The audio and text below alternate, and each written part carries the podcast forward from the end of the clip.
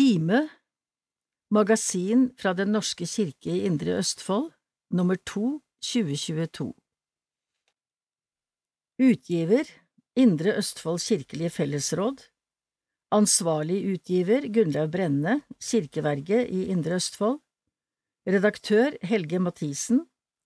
Redaksjonen Helge Mathisen, Sigbjørn P. Kiserud, Irene Smith Brustad, Anne Kjersti Torp Halvorsen, Bjørn Solberg, Solveig Kjernes Vormeland, Erik Lo og Åshild Moen Arnesen. Layout Åshild Moen Arnesen. Design Dalsgren Designbyrå. Opplag ca 20 200 Annonsesalg Terje Stenholt. Telefon 481 17 961 E-post terje.stenholt krøllalfa iokf.no Indre Østfold kirkelige fellesråd Kirkegata 31 1814 Askim. Sentralbord 69 68 1440 E-post kime krøllalfa iokf.no Postmottak krøllalfa iokf.no Bladet blir lest inn av Randi Hasselgaard. Leder Når flyktninger krysser våre daglige spor Av Helge Mathisen, redaktør i Kime I skrivende stund er Europa og verden rammet av en stor tragedie i form av krigen i Ukraina. Vi har ikke kunnet unngå å få med oss lidelsene som pågår midt i Europa som en følge av Russlands angrep på nabolandet. Plutselig så vi bilder og hørte historier vi trodde tilhørte tidligere tider. Assosiasjoner til andre verdenskrig kommer fort. Flyktningestrømmene og behovet for hjelp gjør at hele vår verdensdel er påvirket. Flere titalls tusen ukrainere på flukt har kommet, og flere vil trolig komme, til Norge i tiden som kommer. En stor del av disse er kvinner og barn. Mennene er igjen og kjemper mot russerne for fedrelandet. At krigen og krisen foregår i et land ikke langt unna våre grenser, gjør at det hele blir veldig nært for oss. Mange av oss har hevet oss rundt for å organisere hjelp for flyktningene som kommer. Det aksjoneres både nasjonalt og ikke minst lokalt. Det er bra, og det er sånn det bør være. Som kirke er vi utfordret til å hjelpe nettopp de som trenger det mest. Sannelig, jeg sier dere, det dere gjorde mot en av disse mine minste søsken, har dere gjort mot meg lyder de kjente ordene fra Jesus i Matteusevangeliet. Det er situasjoner som dette han snakker om. I vårt distrikt har disse ordene blant annet blitt til handling i forbindelse med årets fasteaksjon i regi av Kirkens Nødhjelp. Som bøssebærere bidro lokale konfirmanter og andre sterkt til at det ble samlet inn mye penger både til akutt Ukraina-hjelp, i tillegg til andre prosjekter Kirkens Nødhjelp driver. Gjennom blant annet Ukraina-hjelp Indre Østfold har dessuten frivillige sørget for å organisere hjelp og bistand til ukrainere som allerede har kommet til distriktet, for eksempel på lokale asylmottak. Det er meget prisverdig. Men så blir det viktig å fortsette å huske på disse våre minste i det lange løp. Når konflikten trekker ut eller roer seg, når de dramatiske hendelsene rammer litt lengre unna Norge, eller hjertet av Europa. Når en av de minste er en som kanskje ikke er så synlig ved første øyekast. Kanskje kan krisene som har rammet verden de siste årene bidra til at vi kan bli enda flinkere til både samhold, barmhjertighet og brorskap. Da er det håp for oss, både som mennesker og kirke. Sangen som gir på flere vis Tekst Sigbjørn Pettersen Kiserud Babysangen ble begynnelsen på et livslangt vennskap for Katrine Dahl og Anita Bergstrøm. Jeg tror babysangen er viktigere enn vi kanskje tenker, sier menighetspedagog Anita Bergstrøm i Trøgstad menighet. Anita er jo en del av vår nærmeste familie, sier Katrine Dahl. Vi sitter i stua hjemme hos Katrine, klare for å gå ut på denne ukas kveldstur. Og det er ikke første gang. Tirsdag kveld er fast turkveld for Katrine og Anita.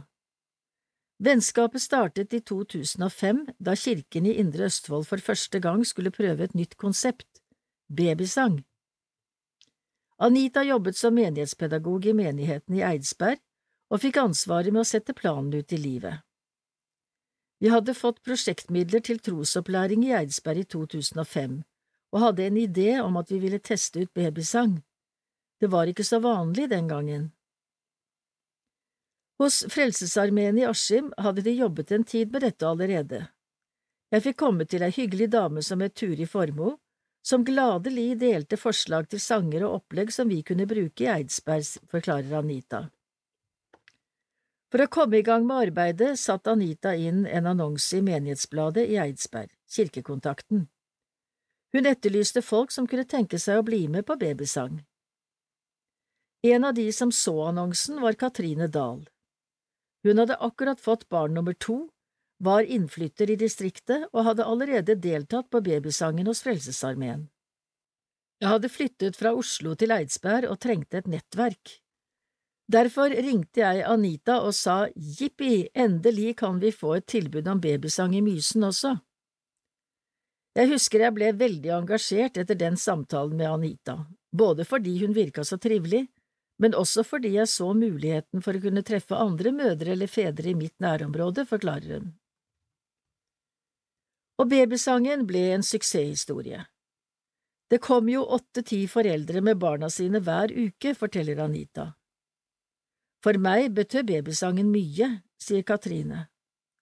Hadde ikke den vært der, hadde jeg ikke hatt muligheten til å bli kjent med så mange andre flotte mødre og det er nesten det som er det viktigste for meg når jeg ser tilbake, det sosiale. Jeg ble god venninne med flere av disse jentene. Vi ble en jentegjeng som etter hvert møttes flere ganger i uka. Etter hvert som barna ble større, inviterte vi alltid babysangjentene i barnebursdager osv. Og jeg, som er helt vanlig ansatt i kirken, fikk jo også bli inkludert i gjengen deres, sier Anita. Hun har blitt invitert i alt fra barnebursdager og i senere tid servert i konfirmasjoner hos babysanggruppa fra 2005. Hvorfor tror dere babysangen har fungert såpass godt? Anita tenker seg om litt. Jeg tror babysangen er viktigere enn vi kanskje tenker. Det gir foreldre som ofte er i en ny og krevende situasjon, mulighet til å møte andre og bygge nettverk. Vi er opptatt av kontakten mellom foreldre og barn, men hvor viktig kontakten mellom ulike foreldre er, hadde vi ikke forutsett. Katrine nikker og sier hun tror musikken forener mor og barn. Det er så spennende å se hvordan musikker fenger småtassene, og ikke minst hvordan Anita fikk kontakt med barna. Jeg tror alle ble veldig glad i deg, sier hun. Det å snakke med mødrene, fedrene og barna er noe av det hyggeligste jeg gjør i denne jobben. Og så er det noe fint med babysangen. Man sitter på gulvet sammen, det er mye bevegelser og lett å henge med selv om man ikke kan språket, og man velger selv hvor høyt eller om man vil synge, sier Anita. Selv om babyene fra 2005 i dag er videregående elever, har Anita og andre kolleger i kirken Fortsatt babysang flere ganger ukentlig. Selv jobber hun i Trøgstad og Marker. Opplegget er veldig populært. Det er sanger, rim, regler, dans, såpebobler og en fin måte å møte både barnet ditt og andre mødre og fedre. Som regel serveres det også lunsj. Det kan være noe så enkelt som brødskive og gulost, men det blir alltid tatt utrolig godt imot blant foreldrene. Å få noe servert når du kanskje ikke rekker å drikke kaffen hjemme mens den er varm, ser jeg at folk setter stor pris på, sier hun. De to venninnene gjør seg klare til å gå kveldens tur, en runde i Hærland. Jeg har kikka litt på kartet og funnet en ny rute i kveld, så dette tror jeg blir bra, sier Katrine. Derfor bør du synge med barnet. Musikkpedagog Tove Dyvik fra Spydeberg er ikke i tvil. Babysang er fantastisk, sier hun. Dyvik er en forkjemper for at vi kan synge mer med barn og unge. Hun jobber som pianolærer og har ukentlige sangsamlinger med barna i Solbakken barnehage i Spydeberg. Babysang og det å synge med små barn er et kinderegg, sier hun. Man vet at sang og musikk gir glede belønningssystemet i hjernen aktiveres, og man får lyst til å synge mer. Musikken lurer på en måte språket inn i hjernen til de små barna på en lekende måte, som de syns er gøy, sier hun. Å synge øver munnmotorikken. Og så gir sang en fellesskapsfølelse og øver opp sansene våre. Det stimulerer hørsel, syn samt berørings-, bevegelses- og balansesansen. Det skaper våkenhet, og følelser settes i sving. Hun er opptatt av at foreldre må synge med den stemmen de har. Det er lett å tenke at barna kan høre på musikk på Spotify, men husk at for barnet er mor eller fars stemme den flotteste stemmen i hele verden. Det er den de kjenner fra tiden som foster. Et lite triks fra Dyvik når man skal synge med barn, er å legge sangen litt lysere enn man kanskje tenker er naturlig.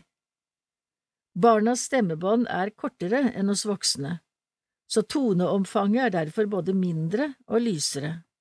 Derfor er det litt lettere for barna å gjenta dine lyder hvis det er lyse lyder. Her er det babysang i Indre Østfold.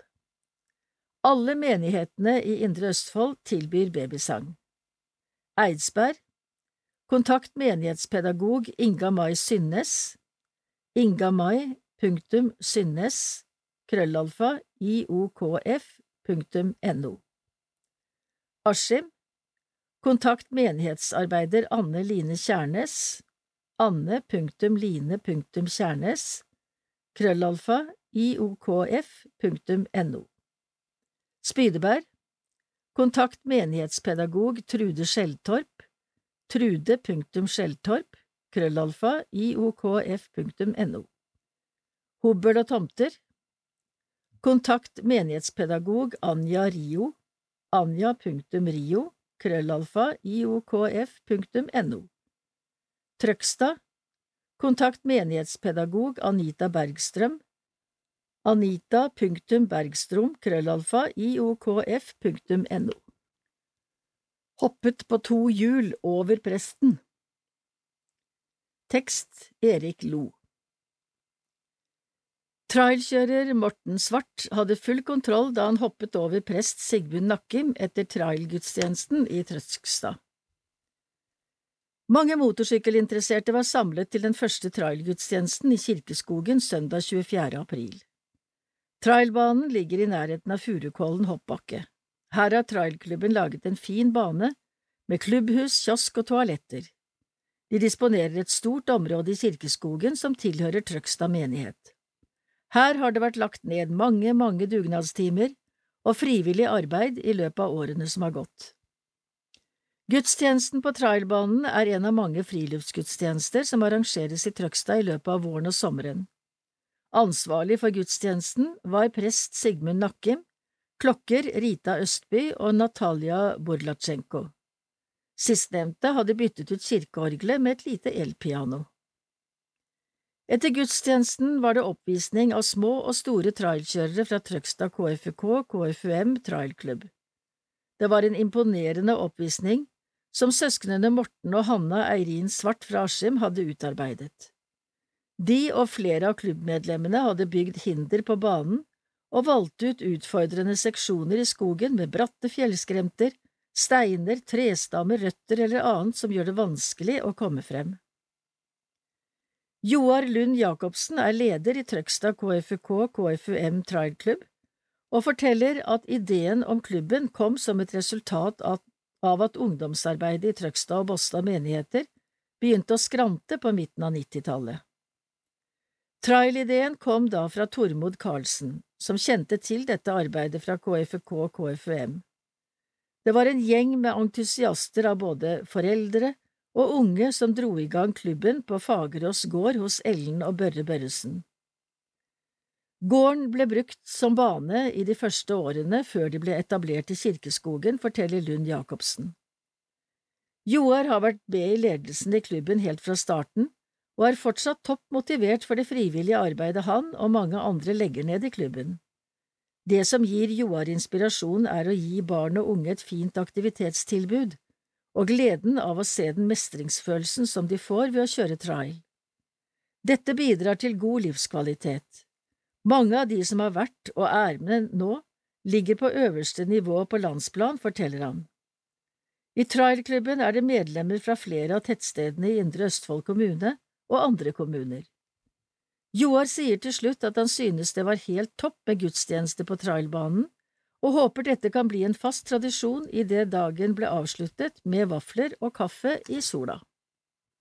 Trail Trail er en motorsykkelidrett som går ut på å kjøre i vanskelig terreng uten å sette føttene i bakken. Kjøringen foregår stående på motorsykkelen i sakte fart. Man kjører i løyper som blir laget i terrenget, og de kalles seksjoner.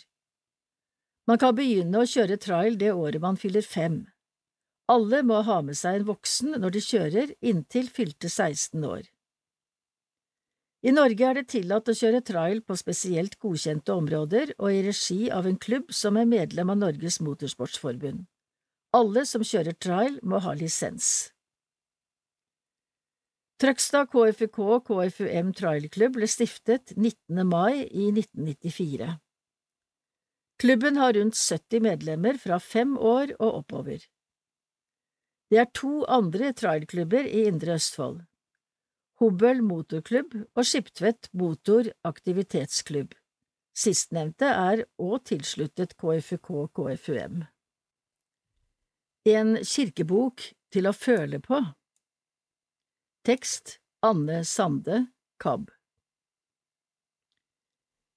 Vi er veldig stolte av produktet, sier Linn Helga Ljunggren i Dalsgren Designbyrå i Askim.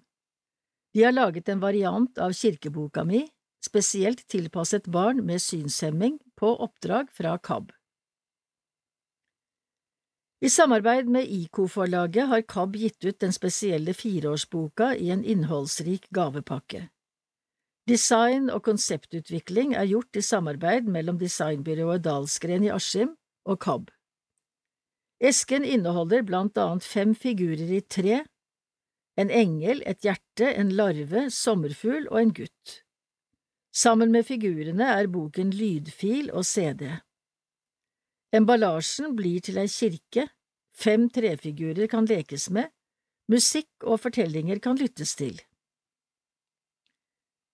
Vi jobber ikke vanligvis med design som skal være så taktilt, sier Guro M. Dalsegg i Dalsgren designbyrå. De to designerne forteller at oppdraget var annerledes, blant annet ved at målgruppen var blinde og svaksynte barn, men også de som er rundt barnet. Videre var det flere elementer som skulle passe sammen, trefigurene som skulle kunne lekes med, sammen med boka i en miljøvennlig pakke. Linn Helga Ljunggren forteller at største utfordringen var utforming av esken. Vi tenkte blant annet på hvordan vi kunne lage et produkt som var verdt å ta vare på, som kunne bli satt i bokhylla, se fin ut, brukes mye og være miljøvennlig, supplerer Guro M. Dalsegg. De jobbet mye med det å kjenne på ting og finne ut hvordan elementene kunne brukes på best mulig måte. Mye av arbeidet og tankene var allerede satt i gang fra oppdragsgiver. Det var et godt prosjekt fra KAB, og hovedbudskapet var klart, sier de to designerne. De la vekt på at esken skulle kunne være en del av leken. Det var slik de kom fram til at esken skulle være en kirke som figurene kunne bo i. De to kom også med innspill til utforming av mer følbar informasjon inni esken og på trefigurene. Trefigurene er laget hos jobberiet i Løken i Høland. Papiret, emballasjen, kommer fra Grønn emballasje i Rakkestad. Vi er veldig stolte av sluttproduktet. At det er lo laget lokalt synes vi er fint, sier Dalsegg. Som tidligere år har KAB laget en lydversjon av kirkeboka mi, men denne gangen er det altså mer enn lyd som stimulerer sanser og kreativitet til barn med synstap. Vi ønsket å gi synshemmede barn en mer helhetlig opplevelse, ikke bare en opplest utgave av kirkeboka. Vi søkte Den norske kirke om støtte og fikk full pott, slik at vi kunne utvikle et helt unikt produkt, sier Øyvind Woie, generalsekretær i KAB i Askim. Det beste av alt er at denne barneboka kan brukes av alle, uansett funksjonsnivå. Boka selges helt fritt til de som ønsker å bruke den i menigheten, eller gi den bort i gave, sier Woie. Bare fantasien setter grenser for hvordan KABs versjon av kirkeboka mi kan brukes.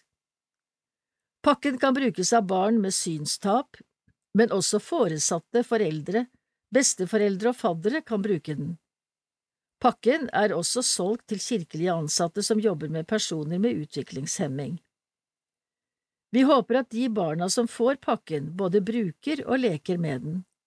Vi får en unik boks til både leking, lytting og lesing, sier Ljunggren. Og at det er flere ulike ting i pakken, gjør at barna kan variere bruken av det som er inni, legger Dalsegg til. Heidi Jannike Andersen i IK-forlaget som gir ut boka, mener det er sammensetningen av alle elementene som gjør KABs versjon spesiell. Komposisjonen av taktile elementer og fortellingen gjør at boka er unik. Selve innpakningen har også et preg som blir taktilt ved at emballasjen er formet som en kirke. Det blir en helhetlig opplevelse. Andersen kaller boka for innovativ. Det har aldri vært gjort før, så vidt jeg vet. Utgangspunktet har vært fireårsboken som Sindre Skeie har skrevet, illustrert av Henning Trollbekk. Vanligvis har KAB lest inn bøkene og gjengitt de som lydbok, men her har de tatt det mye lenger. De har brukt sentrale figurer og symboler i boka og laget trefigurene, sånn at man kan kjenne på historien mens den blir fortalt, og sånn sett ta del i illustrasjonene også, forklarer Andersen. Hvorfor er dette et viktig arbeid? Illustrerte barnebøker er jo en del av oppveksten til de aller fleste barn. Barn som ikke ser, går glipp av en egen opplevelse av illustrasjonene. De kan få fortalt hva den seende ser, men det å få illustrasjoner gjennom fingrene, berøre og holde på, når historien blir fortalt, gir en ny dimensjon, tenker jeg. Det er med på å levendegjøre billedbøker i større grad, sier Andersen. Øyvind Woie er spent på mottagelsen. Vi håper de lokale myndighetene vil benytte anledningen til å tilby barn og foreldre en fireårsgave som viser at de forstår behovet for tilrettelegging. Sammen med IKO vil vi selge boka til alle, både seende og synshemmede, foresatte med lesevansker og kirkemedlemmer med utviklingshemming, sier Woie. Vil du kjøpe den til tilrettelegging eller som gave til et dåpsbarn, Kontakt KAB. KAB, krøllalfa, kab.no. Vakre turperler i Indre Østfold At vi har mange vakre turmål i Indre Østfold er helt sikkert. Her får du flere turtips i kommunen vår du kan benytte deg av i sommer. Eidsberg Velkommen til søndagsskolehytta. Ved Søndre Ertevann i Trømborgfjella ligger søndagsskolehytta Holmbo, med kjørevei helt frem, og med en veldig fin og usjenert beliggenhet inntil et vakkert fjellavann, med blåmerkede turløyper helt inntil, og med fiske-, bade- og padlemuligheter utenfor døra. Hytta har en overnattingskapasitet på rundt 25 mennesker, så den har god plass inne, og en stor veranda med krakker utenfor. Et sted innover i Trønborgfjella ved Søndre Ertevann var det en skogseiendom med ei lita hytte, en utedass og en stall. Et sted befant det seg et arvetestamente, og Trømborg søndagsskoleforening var nevnt der. Eiendommen med en nydelig beliggenhet helt ute på odden skulle gis som gave til søndagsskolen i Trømborgbygda, en veldig sjenerøs gave fra brødrene Holte ved siste gjenlevende Johannes Holte. Kort fortalt, utover på åttitallet var det en ivrig gjeng fra Trømborg og Eidsberg som bestemte seg for å bygge en fin hytte der inne. Det ble satt ned en komité, og planleggingen var i gang. Høsten 1987 ble søndagsskolehytta Holmbo åpnet, og siden har det vært mange på besøk der inne, hundrevis. I år er det 35-årsjubileum for hytta. I kjølvannet av byggingen og gleden med det sosiale ble hyttemusikken startet. Oddvar Kopperud, en av ildsjelene for hytta, driver fortsatt dette musikklaget. Nå driftes hytta av en gjeng frivillige vaktmestere, og den leies ut til organisasjoner, privatpersoner, familier, lag og foreninger. Dette året er det frivillighetens år, og det er store planer om å oppgradere søndagsskolehytta både utvendig og innvendig, for å ha ei fin hytte å tilby videre i årene fremover. Det er blitt søkt om støtte, og det er blitt gitt mye penger fra Hans og Erling Grinis minnefond, Sparebankstiftelsen, Indre Østfold kommune og Eidsberg Sparebank. Etter mye besøk og mange driftsår er det fortsatt en del å gjøre der inne. De største oppgavene er nye toalettforhold, møbler, rekkverk på verandaen og utskifting av vinduer, og vi setter veldig stor pris på å ha fått penger til mye av dette. Ildsjelene bak søndagsskolehytta har en utfordring til kimeleserne. Har du lyst til å være med å drive denne fine hytta videre, eller kanskje du vil være med å støtte økonomisk? Ta gjerne kontakt med driverne av søndagsskolehytta, både for å leie eller bidra med noen arbeidstimer for å sette hytta i god stand. Kontaktpersoner og utleier for søndagsskolehytta Holmbo er Jostein Trømborg, på telefon 92 89 37 41. Styreleder for hytta er Øyvind Kopperud, 90 77 68 25. Har du mulighet til å bidra økonomisk?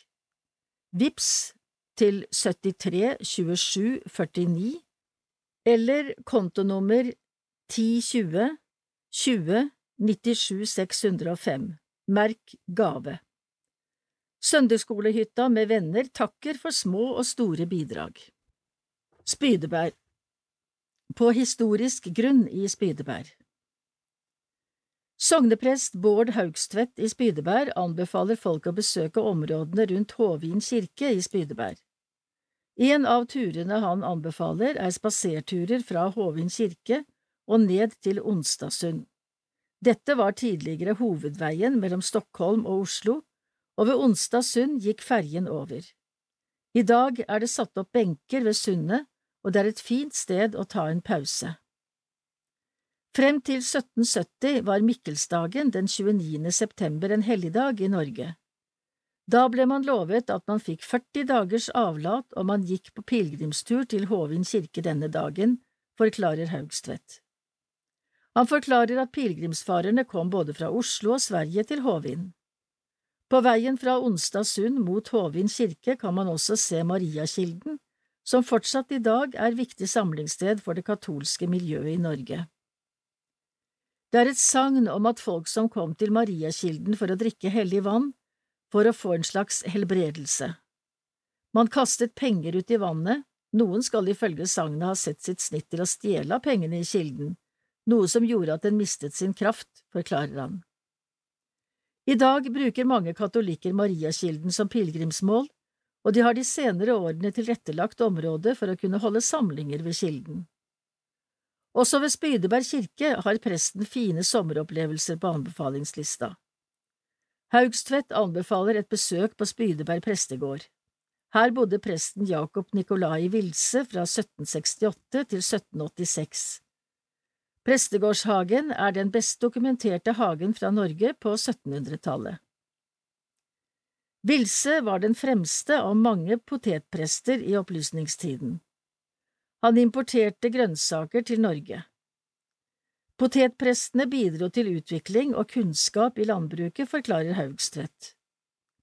Hagen er satt i stand, og stort sett hver søndag i sommer kan man besøke prestegården, få omvisning og kjøpe vafler. Askim Ta turen langs Linna Solbergfosslinna, eller Linna som den gjerne kalles, er en 7,4 kilometer lang tursti som starter midt i byrommet i Askim sentrum og ender opp ved Solbergfoss kraftstasjon. Linna er opprinnelig en gammel jernbanestrekning som fra 1917 ble brukt til transport under byggingen av Solbergfoss kraftverk. I 1964 ble jernbanen lagt ned, og i senere år har Linna blitt rustet opp til tursti. Linna egner seg både til sykling, jogging og turgåing, gjerne med barnevogn, og er sånn sett svært familievennlig. Det finnes krakker for en liten hvil og små buer å søke ly i underveis. Endestasjonen for Linna, Solbergfossanlegget, er imponerende og verdt et besøk. Der er det også store grøntområder som egner seg utmerket til piknik, ei brygge kalt Askim havn, som blir brukt som utgangspunkt for båtturer oppover Øyeren, og ikke minst ei flott badestrand. Turen kan gjøres kortere ved å starte eller avslutte på en av plassene der Linna krysser Kolstadveien og Solbergfossveien, og hvor det er mulighet for å sette fra seg bilen. Den kan også være et utgangspunkt for en enda lengre vandring, om man svinger av og går inn på stien til Skansehytta eller Kongestien, eller tar en avstikker nedom Onsdagsund. Inspirasjon finnes også på Solbergfosslinas venner på Facebook. Hobøl Ta turen til idylliske Askerødtjern. På grensen mellom Våler og gamle Hobøl kommune ligger idylliske Askerødtjern. Denne turen på rundt tre kilometer starter fra parkeringsplassen i Holoveien. Derfra eh, tar du til venstre og går langs veien rundt 50 meter, før du svinger til høyre inn på en flott skogsvei som er sperret for biltrafikk. Veien følges gjennom fine skogsområder i rundt en og en halv kilometer. Her tar du til venstre østover, over en stor hogstflate, så videre gjennom skogen til du kommer til et stikryss. Her svinger du ned til høyre og går rundt gårdsplassen og kommer ut på en gårdsvei. Her tar du til høyre og følger veien til slutningen, hvor det er skiltet Askerødtjernet. Herfra går du i flott skogsterreng til Askerødtjernet med bålplass og grillhytte. Trøgstad Fra kirken til fortet Start turen ved Trøgstad kirke, som er en middelalderkirke. Her er det god plass til å parkere bilen, og nærmeste nabo til kirken er Trøgstad bygdemuseum, med to fine tun og mange gamle bygninger. Turen fortsetter rett over rv. 22 og inn på Festningsåsen. Fortsett denne veien rett framover og oppover mot Trøgstad fort, som ble etablert i 1917. Hvis du ønsker, kan du gjerne kjøre bil opp til Gravtjern og gå derfra. Gravtjern er en perle hele året igjennom. Her er det gapahuk med grillmuligheter og sklie for barna ut i vannet. Fra tjernet går turen inn på Trøgstad fort, hvor det er mange forskjellige stier i skogen ut mot lysløypa, Furukollen hoppbakke, Trøgstadstien og mange andre muligheter. Etter bommen svinger vi inn til høyre hvor du har den gamle mannskapsmessa, som er bygd som en hestesko. Herifra går det trapper eller vei rundt opp til toppen av fortet, hvor det er to utsiktstårn. Det ene er 271 meter over havet. Den gamle Linken har skiklubben overtatt, og Pershytta er åpen hver søndag med salg av vafler og drikke. Fra det ene utsiktstårnet kan vi se helt til blant annet Gaustatoppen. Når du først er på toppen av fortet, er det mange mindre veier og festningsverk du kan utforske. Hvorfor bidrar du frivillig i kirka? Navn Ellen Løken Børresen Alder 68 Bosted Trøgstad Jeg sitter i Trøgstad og Båstad menighetsråd og er menighetsrådets representant i Indre Østfold kirkelige fellesråd. Dessuten er jeg leder for menighetens gudstjenesteutvalg og er med som klokker og andre frivillige oppgaver under gudstjenesten. Som pensjonist fikk jeg bedre tid og hadde lyst til å engasjere meg mer i menighetsarbeidet, et viktig arbeid jeg har tro på. Jeg hadde en stund vært medlem i gudstjenesteutvalget. Der ble jeg kjent med menighetens flotte visjon, verdier og mål. I visjonen står det Vi vil at Kirken skal være et åpent trosfellesskap for alle, der vi opplever anerkjennelse, tilhørighet og deltakelse. Verdier menigheten arbeider for å realisere er tilhørighet, deltakelse, frivillighet og myndiggjøring. I et av målene står det at gudstjenesten er stedet som alt springer ut fra, og at vi ønsker bredere medvirkning i gudstjenesten. Her er det mye som tiltaler meg i kirkens frivillige arbeid, og som har motivert meg til å være med. Det sosiale fellesskapet og kjenne tilhørighet er viktig. Dessuten å få anerkjennelse for det en gjør. Enten oppgaven oppleves stor eller liten, er den betydningsfull i sammenhengen, og alle har noe å bidra med. Gudstjenesten, for eksempel, er ikke bare presten, organisten og klokkerens greie, men hele menighetens gudstjeneste, hvor medvirkning av flere skaper større eierskap og tilhørighet. Tenk hvor viktig det er at dåpsfølget føler seg velkommen og ivaretatt av dåpsverten, og kanskje derfor får lyst til å komme igjen på babysang, at de som kommer til kirken blir sett av kirkeverten, som ønsker varmt velkommen. Eller en kaffekopp og kjeks fra kirkekaffeverten, som gjør at vi stopper opp og blir bedre kjent med hverandre, og kanskje er vi så heldige at vi blir kjent med nye mennesker. Å få være en myndiggjort medarbeider og finne tilhørighet og fellesskap for meg sjøl og forhåpentligvis for noen av de jeg møter, oppleves meningsfullt. Enten det er gudstjeneste, barne- og ungdomsarbeid eller diakonalt arbeid, har Kirken behov for frivillige. Vi har mye å gi, men det beste er at vi får så mye tilbake. Velkommen til hagefest i Folkeparken for store og små. Hagefesten arrangeres i Askim folkepark 28. august klokken 13 og utover ettermiddagen. Barn, ungdom og voksne er velkommen til et gratis arrangement med mange gode innslag etter initiativ fra gode naboer i Askim. Ta gjerne med piknikkurv med mat til de voksne, barna får grillmat og snack. Bli med på søndagsskolen i Askim. Vi har fått oss et eget søndagsskolerom i Askim kapell, kom og se hvor fint vi har fått det. Sprell levende er opplegget vi følger fra søndagsskolen i Norge. Flere barn er allerede med i Gulliver-gjengen, tre til fem år, og gradvis skal vi prøve ut agentklubben for skolebarna. Vi er svært glad for de frivillige søndagsskolelederne som allerede er med.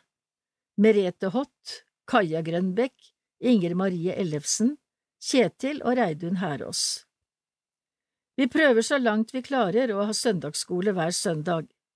Håper dere har lyst til å ta med barna og barnebarna på søndagsskole klokken elleve i Askim kirke på søndager.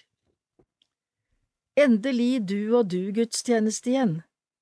7. juni klokken 18 er det endelig du og du-gudstjeneste igjen. Vi møtes i Hele kirke til samling og gudstjeneste.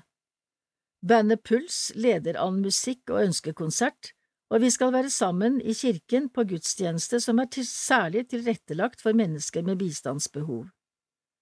På gudstjenesten får du mulighet til å være deltaker.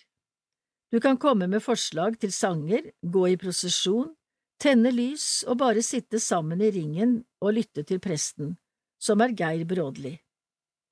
Før gudstjenesten blir det litt sang og musikk, litt mat og en prat. Alle som ønsker er hjertelig velkommen til Helig kirke for å være med på Du og du. Vi gleder oss til en fin kveld i kirken. Feiret ukrainsk påske Rundt 60 ukrainere kom til påskefeiring i Hobøl kirke 24. april, som var dagen for påskefeiring i Den ortodokse kirke. Det var meningsfullt å åpne kirkedøren for våre brødre og søstre. De fikk gått til nattvær, tent lys og dåpsvannet fra gudstjenesten klokken elleve ble brukt som vievann som de tegnet korsets tegn med, og ble også tatt med på flaske til flyktningemottaket i etterkant. Etterpå ble det feiring utenfor med påskeegg, ukrainsk påskebrød, og gode hjelpere hjalp til med kaffe, bakst og kos, og prestene fikk også øvd seg litt på ukrainsk. Kristos voskrese Kristus er oppstanden Sorgforum Er du i sorg? Velkommen til Sorgforum. Sorg er ofte en helende prosess etter at noe er blitt ødelagt, sier Sigmund Nakkim, en av sorggruppelederne på Sorgforum. Sorg og omsorg er en livssynsåpen frivillig organisasjon som tilbyr ordinære sorggrupper, i tillegg til Sorgforum, som er et åpent møtepunkt hvor alle interesserte angående sorg. Det finnes sted hver første torsdag i måneden klokken 19 til 20 i kafeen til Kirkekroa i Nordmisjonshuset, Doktoranders gate 10 i Askim. Hjertelig velkommen. For mer info om Sorgforum, kontakt Solfrid Hapte Sønsteby 48 10 63 80. Datoer. Andre i sjette, første i niende, sjette i tiende, tredje i ellevte og første i tolvte. Min kirke Helig Navn John Kiserud. Alder 71 år. Fra Spydeberg. Yrke Avløser Pensjonert bonde. Hvordan vil du beskrive Helig kirke i Spydeberg? Helig kirke er en forholdsvis ny kirke som ble gjenoppbygget etter en brann startet av et lynnedslag og sto ferdig i 2001. Det er et lyst og godt rom å komme inn i. Fargetonene er lyse og vennlige. I stedet for en vanlig altertavle er det et stort glassmaleri på endeveggen. Synsinntrykket av dette endrer seg med lysforholdene ute. Det inneholder flere ulike motiv som gir grunn for opplevelse og ettertanke. Hvilket forhold har du til kirken? Jeg har hele mitt liv bodd i Heli og vært engasjert i kirken på ulike måter. Da den forrige kirken brant ned i 1997, ble jeg spurt om å være leder for komiteen som fikk ansvar for å planlegge og lede gjenoppbyggingen av den nye kirken. Det var mye jobb i nesten fire år, men jeg er glad for å ha bidratt til et resultat som har fått mye fin omtale i etterkant.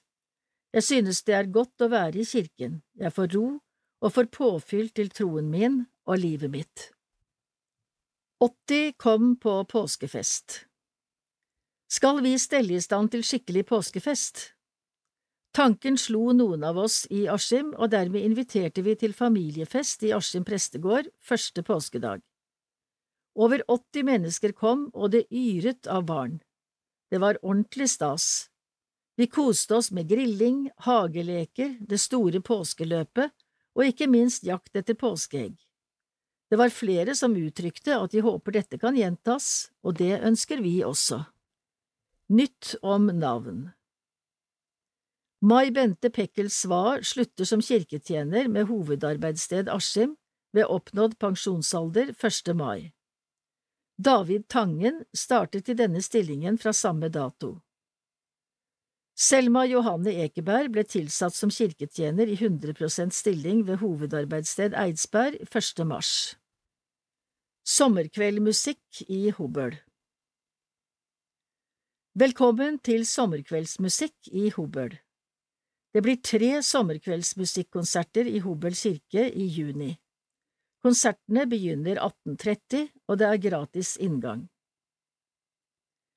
10. juni André Bongar Bongar presenterer klavermusikk av Schubert, Schumann, Debussy, noe argentinsk tango og norsk folkemusikk som han selv har arrangert til klaver.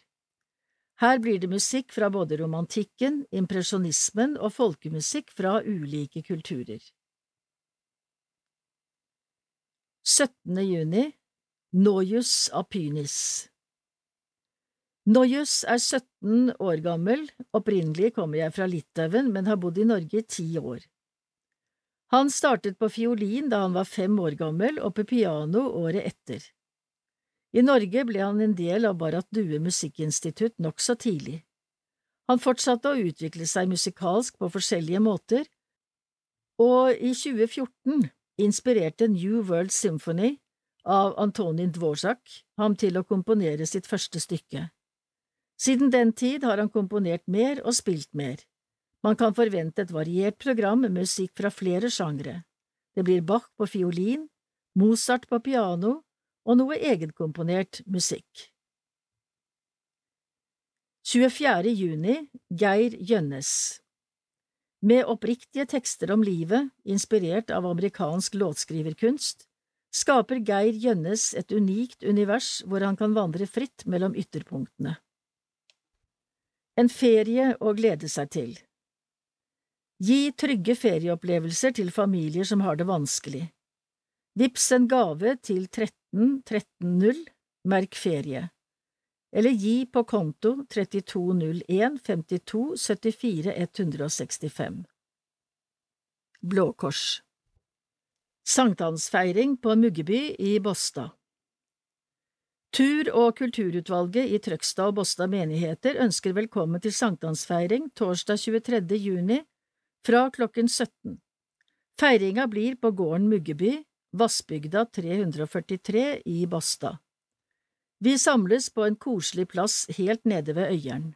For de som er spreke, er det flotte bademuligheter, både for barn og voksne. Vi satser på grilling nede ved vannkanten, så ta med grillmat og det du ellers måtte ønske å spise og drikke.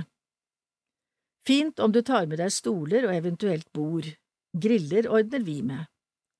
Av program kan vi nevne at det blir en kort samlingsstund, leker og allsang. Gjermund Bjørklund og Syver Minge blir med og spiller trekkspill. Velkommen til en hyggelig sankthansfeiring i finværet, både små og store. Tur- og kulturutvalget ved Erik Lo. Indre tanke Gi oss et kirkeskattekart av Øyvind Woie, generalsekretær i KAB. Da storkommunen nærmet seg, ble fellesrådet i Askim invitert til formannskapet for å orientere om kirkens behov og planer. Da politikerne skjønte at kommunen ikke lenger bare skulle ha ei kirke som i Askim, så bredte utgiftspanikken seg. Hvor mange kirker får den nye kommunen? spurte en politiker. Prosten opplyste at det kunne dreie seg om tolv. Og hvor ofte går det folk i alle disse? Spurte en annen, og henviste til vedlikeholdsutgifter og oppvarming. Vi kunne opplyse om kirkedørstokken neppe ble tråkket ned i alle de tolv hver søndag. Problemstillingen er ikke ukjent når kirka skal behandles i politikken. Da kan kirkeskattene bli en utgiftspost som skal settes opp mot andre kommunale tilbud og tjenester. Kirkebyggene våre er synlige bevis på at den kristne troen har stått sterkt i over tusen år i området der vi bor. Kirkene er lokale historiebærere som binder sammen slekter og generasjoner. Kirkene våre er skattkister som må åpnes og formidles. Det jeg ønsker meg, er et kirkelig, digitalt skattekart. På nettsidene til Indre Østfold kirkelige fellesråd er det vanskelig å finne en helhetlig oversikt, kontaktpersoner og åpningstider, fakta og historie om våre tolv nærkirker. Vis oss og fortell oss om våre kirkeskatter. Når kartet er klart, kan fellesrådet invitere til lokale pilegrimsvandringer eller sykkelturer åpne kirkedører, nystekte vafler og kulturopplevelser. Tolv kirkeperler drysset utover i en radius på en drøy halvtimes kjøring gjennom et vakkert kulturlandskap kan bli en vitamininnsprøytning og en kulturarena, ikke et utgiftsproblem. Nytt fra Fellesrådet Tekst Bjørn Solberg, leder Indre Østfold kirkelige fellesråd den norske kirke i Indre Østfold styres av de folkevalgte i Indre Østfold kirkelige fellesråd og akkurat nå er det spesielt tre hovedområder det jobbes med – renovering, strømutgifter og evaluering av sammenslåingen. Renovering Arbeidet med renovering av kirkene fortsetter. Det ble utført mye arbeid i 2021, og dette fortsatte inn i vinteren. Det er lagt nytt tak på Eidsberg kirke, så den kirken er ferdig restaurert etter nærmere fem års arbeid. I løpet av vinteren er også Tomter kirke blitt ferdig, med ett unntak, det må legges nytt tak. Men kirken er ferdig restaurert innvendig, vinduene er restaurert, det samme er tårnet, og veggene er renovert og malt. I Trøgstadkirken nærmer arbeidene seg slutten, det samme gjelder Hobøl. Strømregninger Også kirken får høye strømregninger. At strømmen er dyr, merker vi alle. Det gjelder også fellesrådet. Når dette leses, er budsjettposten lys og oppvarming brukt opp, lenge før vi er halvveis i 2022. Det er gjennomført både innsparings- og effektiviseringstiltak, men av hensyn til orglene kan ikke temperaturen være under ti grader, og det må være en akseptabel temperatur under begravelser og gudstjenester. Kirkevergen er i dialog med kommunen om dette, og vi forventer at de ekstra bevilgningene som kommunen har fått, også brukes til å dekke kirkens strømutgifter. Evaluering Vi har bak oss drøyt to år med et nytt fellesråd og en ny administrasjon. Pandemien har gjort at dette har vært to uvanlige år, men Fellesrådet har likevel valgt å gjennomføre en evaluering av arbeidet, særlig organisering, oppgavefordeling og arbeidsplassløsninger. Dette er i tråd med det som ble vedtatt da vi gikk inn i det nye fellesrådet.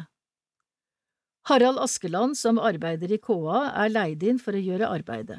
Han har snakket med alle ansattegruppene, med fellesrådet og med menighetsrådene.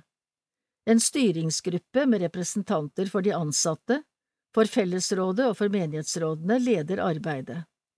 Askeland skal legge frem sine konklusjoner i midten av juni, deretter skal fellesrådet gjennomgå anbefalingene og gjøre nødvendige vedtak.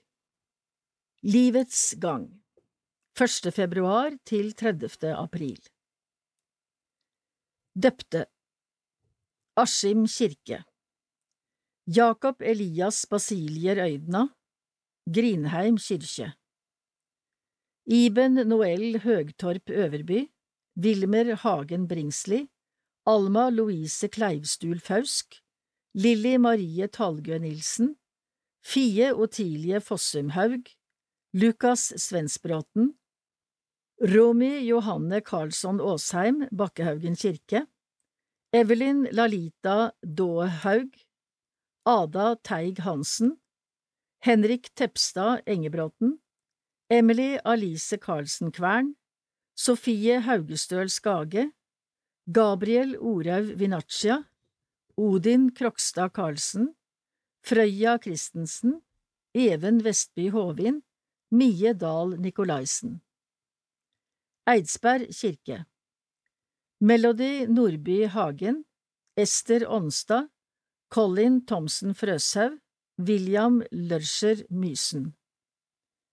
Mysen kirke Mikael Attar Habedi Edvard Nazar Sulaiman William Aas Christoffersen Even Hen Heggelund Lukas Johansen Tvenge Revenell Håvin kirke Selma Bjerke Hårslund Alma Eriksen Seland Ulrik Myhrer Egeland, Inger Elise Lund Grepperud. Spydeberg kirke Victoria Sørli Jørgensen, Andreas Abel Justnes, Oliver Solberg Frydenlund, Nora Caspersen Hagen, Tobias Lervik Tømran, Alva Halvorsen Rygg, Nordby kirke. Aron Berens, Nordby kirke. Theodor Blokhus Gulbrandsen. Hobøl kirke. Eline Kullås Osrønningen, Nordby kirke. Liam Kjosavik Anstenrud Kristiane Antmark Hans Jakob Jordal Frida Marie Vakim Oslo domkirke, Tiril Margrete Vakim Svendsen, Oslo domkirke, Simon Alexander Vakim Svendsen, Oslo domkirke, Henry Espen Riser. Tomter kirke Alva Olivia Sørbø, Sankt Petri kirke Odin Gudbrandsen Heltene, Oliver Olaisen Kjærstad, Petter Olsen, Lukas Granerud Graven, Tomter menighetssenter. Trøgstad kirke, Kylian Haslerud Stjern. Båstad kirke, Carl Fredrik Tokerud Bjerkenes, Astrid Eline Strand, Viktor Vereide Vangsdal. Vigde 19. i tredje, Askim kirke, Stine Thun Bursov og Magnus Halvorsen. 26. i tredje, Mysen kirke, Anna Anker Utt og Håkon Jensen. 26. i tredje, Geiteberg, Martine Næss Iversen og Thomas Stålung Jacobsen. 23. i fjerde, Askim kirke, Marianne og Hugo Krokstad Karlsen. Døde. Askim. Petter Bråten, 25.12.1950 Døde 25.01.2022 Olga Elida Aune, 9.01.1925 Døde 1.2. Solveig Halden, 18.12.1939 Død 2.2. Astrid Årsten, 16.11.1941 Døde 3.2. Hilde Merete Nygård, 12.2.1961 Døde 5.2. Inger Sofie Thorsvik, 16.3.1932 Døde 10.2. Undis Fauli, 18.06.1950 Døde 11. i andre. Dagfinn Leonard Norlund, 17.04.1931 Døde 15. i andre. Inga Iversen, 4.3.1931 Døde 16. i andre. Kjell Arvid Moen, 17.12.1941 Døde 17.2. Kari Alette Solvang, 19.9.1936 Døde 18.2. Gunvor Skårberg, 15.8.1924 Døde 18.2. Tordis Synnøve Eriksen, 16.10.1931 Døde 26.2. Robert Gustav Berg, 17.5.1941 Døde 6.3. Berit Synnøve Halvorsen, 21.3.1930 Døde 9.3. Cato Vågsæter, 31.3.1936 Døde 12.3. Edvard Olai Kiserud, 24.9.1929 Døde 13.3. Tore Erling Bergersen, 3.2.1949 Døde 13.3. Terezia Siflis, 11.10.1925 Døde 14.3. Turid Guddal, 1.3.1946 Døde 18.3. Henning Bjarne Nilsen, 31.10.1941 Døde 23.3. Gunnar P. Gjerden, 19.4.1933 Døde 26.3. Gerd Synnøve Johansen, 23.5.1924 Døde 27.3. Kjell Oddvar Løvmo, 26.10.1938 Døde 27.3. Marit Dons Degnes, 9.9.1946 Døde 28. i 28.3. Hans Olav Skjolden, 2.2.1949, døde 28.3. Evelyn Hønsvik, 24.8.1951, døde 29.3. Lloyd Bjerke, 15.4.1970, døde 31.3. Jens Karsten Christiansen, 24. i 3. 1938, døde andre i fjerde.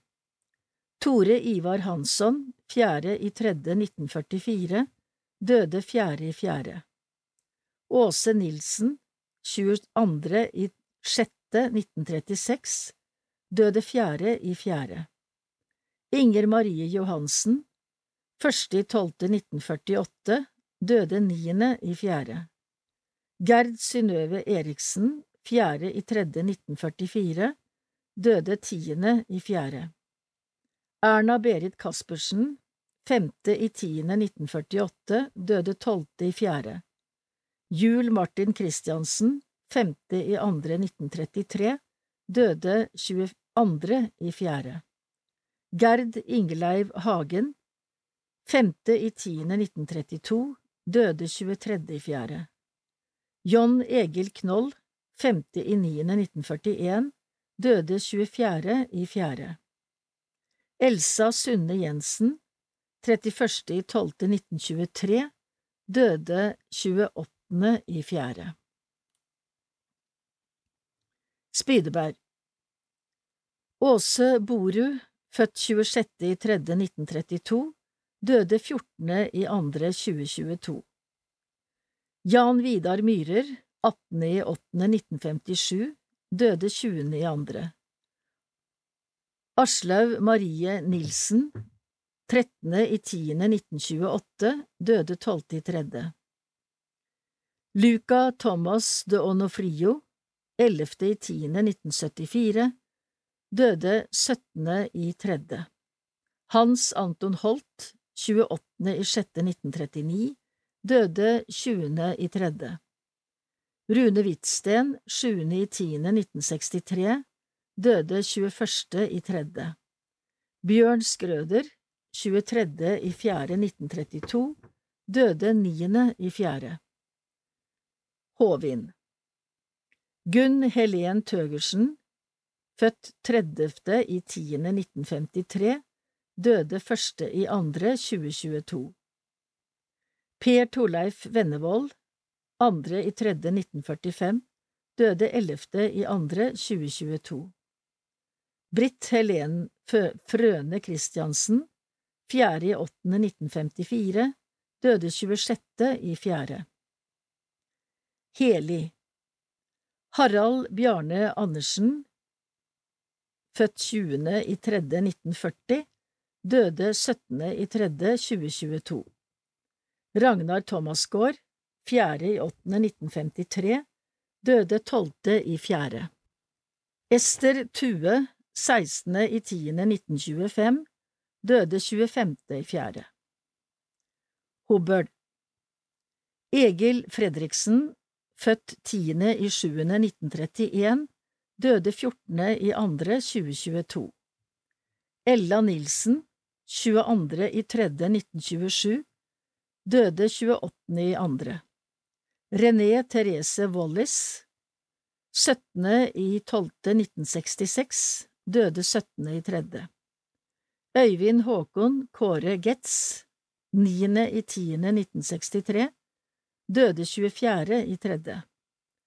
Martha Hulda Nygård, første i 6. 1925, døde 7. i fjerde. Tomter Knut Willy Arnesen, født 19. i 12. 1936, døde 8. i 2. 2022. Ole Jonny Ingvaldsen, 29. i 3. 1943, døde 14. i 2. Lillian Nilsen, 14. i 3. 1943, døde 9. i 4. Trøgstad Odd Rune Angel, 5. i 1. 1963, døde 19. i 11. Finn Arnesen, 8. i 11. 1933, døde 26. i andre.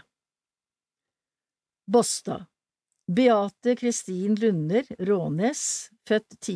i 2. 1955, døde 14. i 2. Mona Evenby, 14. i 3. 1968, døde 15. i 2. Helfrid Amalie Antschak, 30. i 6. 1931, døde 7. i 3. Liv Tordis Frøshaug, Sjuende i 6. 1934, døde 21. i tredje. Aslaug Marie Høytomt, 11. i 11. 1922, døde 21. i fjerde. Eidsberg Arne Servan, født 10. i 8. 1931, døde 10. i 2. 2022. Per Ivar Sjør, 28. i 9. 1960, døde 2. i fjerde. Karen Inga Barnsrud, 5. i 2. 1934, døde 11. i fjerde. Berit Gangnes Randers, 23. i 6. 1931, døde 13. i fjerde. Hans Edvard Johansen, 19. i 8. 1938, døde 18. i fjerde. Hans Johannes Ruud, 2. i 6. 1931, døde 30. i fjerde. Mysen Eva Lovise Christiansen, født 4. i 7. 1935, døde 1. i 2. 2022. Ole Jonny Myhre Olsen, 31. i 5. 1942, døde 2. i 3. Grete Skjøthaug, 8. i 8. 1949, døde 9. i 3. Målfrid Irene Nesse, 17. i 12. 1924, døde 11. i tredje. Wenche Isaksen, tredje i åttende 1949, døde 12. i tredje. Jens Petter Granerud, 18. i 10. 1960, døde 16. i 3. Elsebritt Synnøve Thorsen, 2. i sjuende 1929, døde 24. i tredje. Geir Sigmund Hopland, 24. i 4. 1948, døde 31. i 3. Herland, Inger Synnøve Vatvedt, født 10. i 10. 1949, døde 27. i 4. 2022. Åpen kirke Åpen kirke i Eidsberg og Trømborg Trømborg kirke er en trekirke fra 1879. Den ligger på et gammelt kirkested, nevnt første gang i 1334. Kirken var viet til Sankt Lavrentius. Den eldste gjenstanden er døpefonten. I nærheten av kirken fantes det en kilde som det er flere historier rundt. Eidsberg kirke er en middelalderkirke fra 1200-tallet. Kirken kalles Østfolddomen og er hovedkirke i Indre Østfold kommune. Kirken er viet til Sankt Olav, og over inngangsdøren er det en sittende olavsfigur. Den eldste gjenstanden er døpefonten fra rundt 1250. Også i år vil det være åpen kirke i Eidsberg og Trømborg. Åpen kirke innebærer at dørene er åpne, og hyggelig vertskap ønsker besøkende velkommen. De som kommer til kirken, kan gå rundt og bli mer kjent i kirkerommet, tenne lys i lysgloben, sitte stille i tanker og bønn.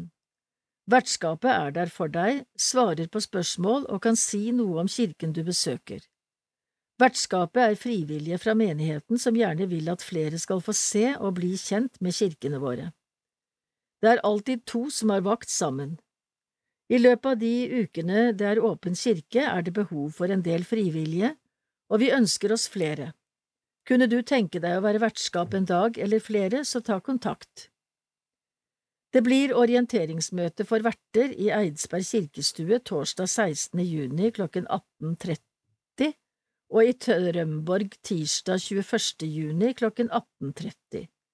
Har du spørsmål, kan du kontakte Ragnhild Kruse på telefon 93 23 56 65 i Trømborg eller Helga Frøyseth 41 31 12 92 i Eidsberg. Velkommen til Åpen kirke i Trømborg uke 26, 27 og 28, torsdag, fredag og lørdager. I Eidsberg uke 29, 30 og 31, alle dager. Eventuelle endringer kan forekomme grunnet kirkelige handlinger. Følg med på Facebook den norske kirke i Indre Østfold. Misjonsprosjekt med votter og krus Eidsbergkirkene har et felles misjonsprosjekt i Mali. I arbeidet med å samle inn midler til dette har vi noen prosjekter på gang. Det arbeides med vottemønstre med motiv av og fra kirkene. Målet er at det blant annet under åpen kirke er mulig å kjøpe ferdig strikkede votter eller garnpakker med mønster. Vi har også krus som kan kjøpes med bilde av enten Eidsberg eller Trømborg kirker. Hvor er dette? Kjenner du igjen denne figuren? Hvis du vet det, kan du sende oss svaret på e-post og vinne flakslodd. Figuren er en person med krone, og under føttene er det en due. Figuren er i stein. Denne gangen skal vi til en av Indre Østfolds større kirker. Det er en steinkirke bygget i gotisk stil på slutten av 1200-tallet, og den er fortsatt et godt synlig landemerke i landskapet. Kirken har vært igjennom flere ombygginger i årenes løp, blant annet på slutten av 1800-tallet. Kirken har en flott prekestol hvor himlingen er dekorert med fem kvinneskikkelser. Av dagens innredning er det kun døpefonten som er igjen fra middelalderen. Vet du svaret, kan du sende det inn på e-post til kime.iokf.no sammen med adressen din. Lykke til! Forrige nummer var det Mysen kirke som var rett svar, og det visste blant annet Reidun Lippestad, Liv Kari Rød og Bjørg Christoffersen, som får flakslodd i posten. Visste du at etter biskop Palladius Visitas-bok skulle en kirke ha to offerkar, én i koret for gaver til kirken og én ved kirkedøren som var de fattiges blokk. En fattigblokk var firkantet, rundt én meter høy, gjerne laget av tre og beslått med jern. Under én eller flere myntspalter var et rom med en dør som kunne ha flere låser.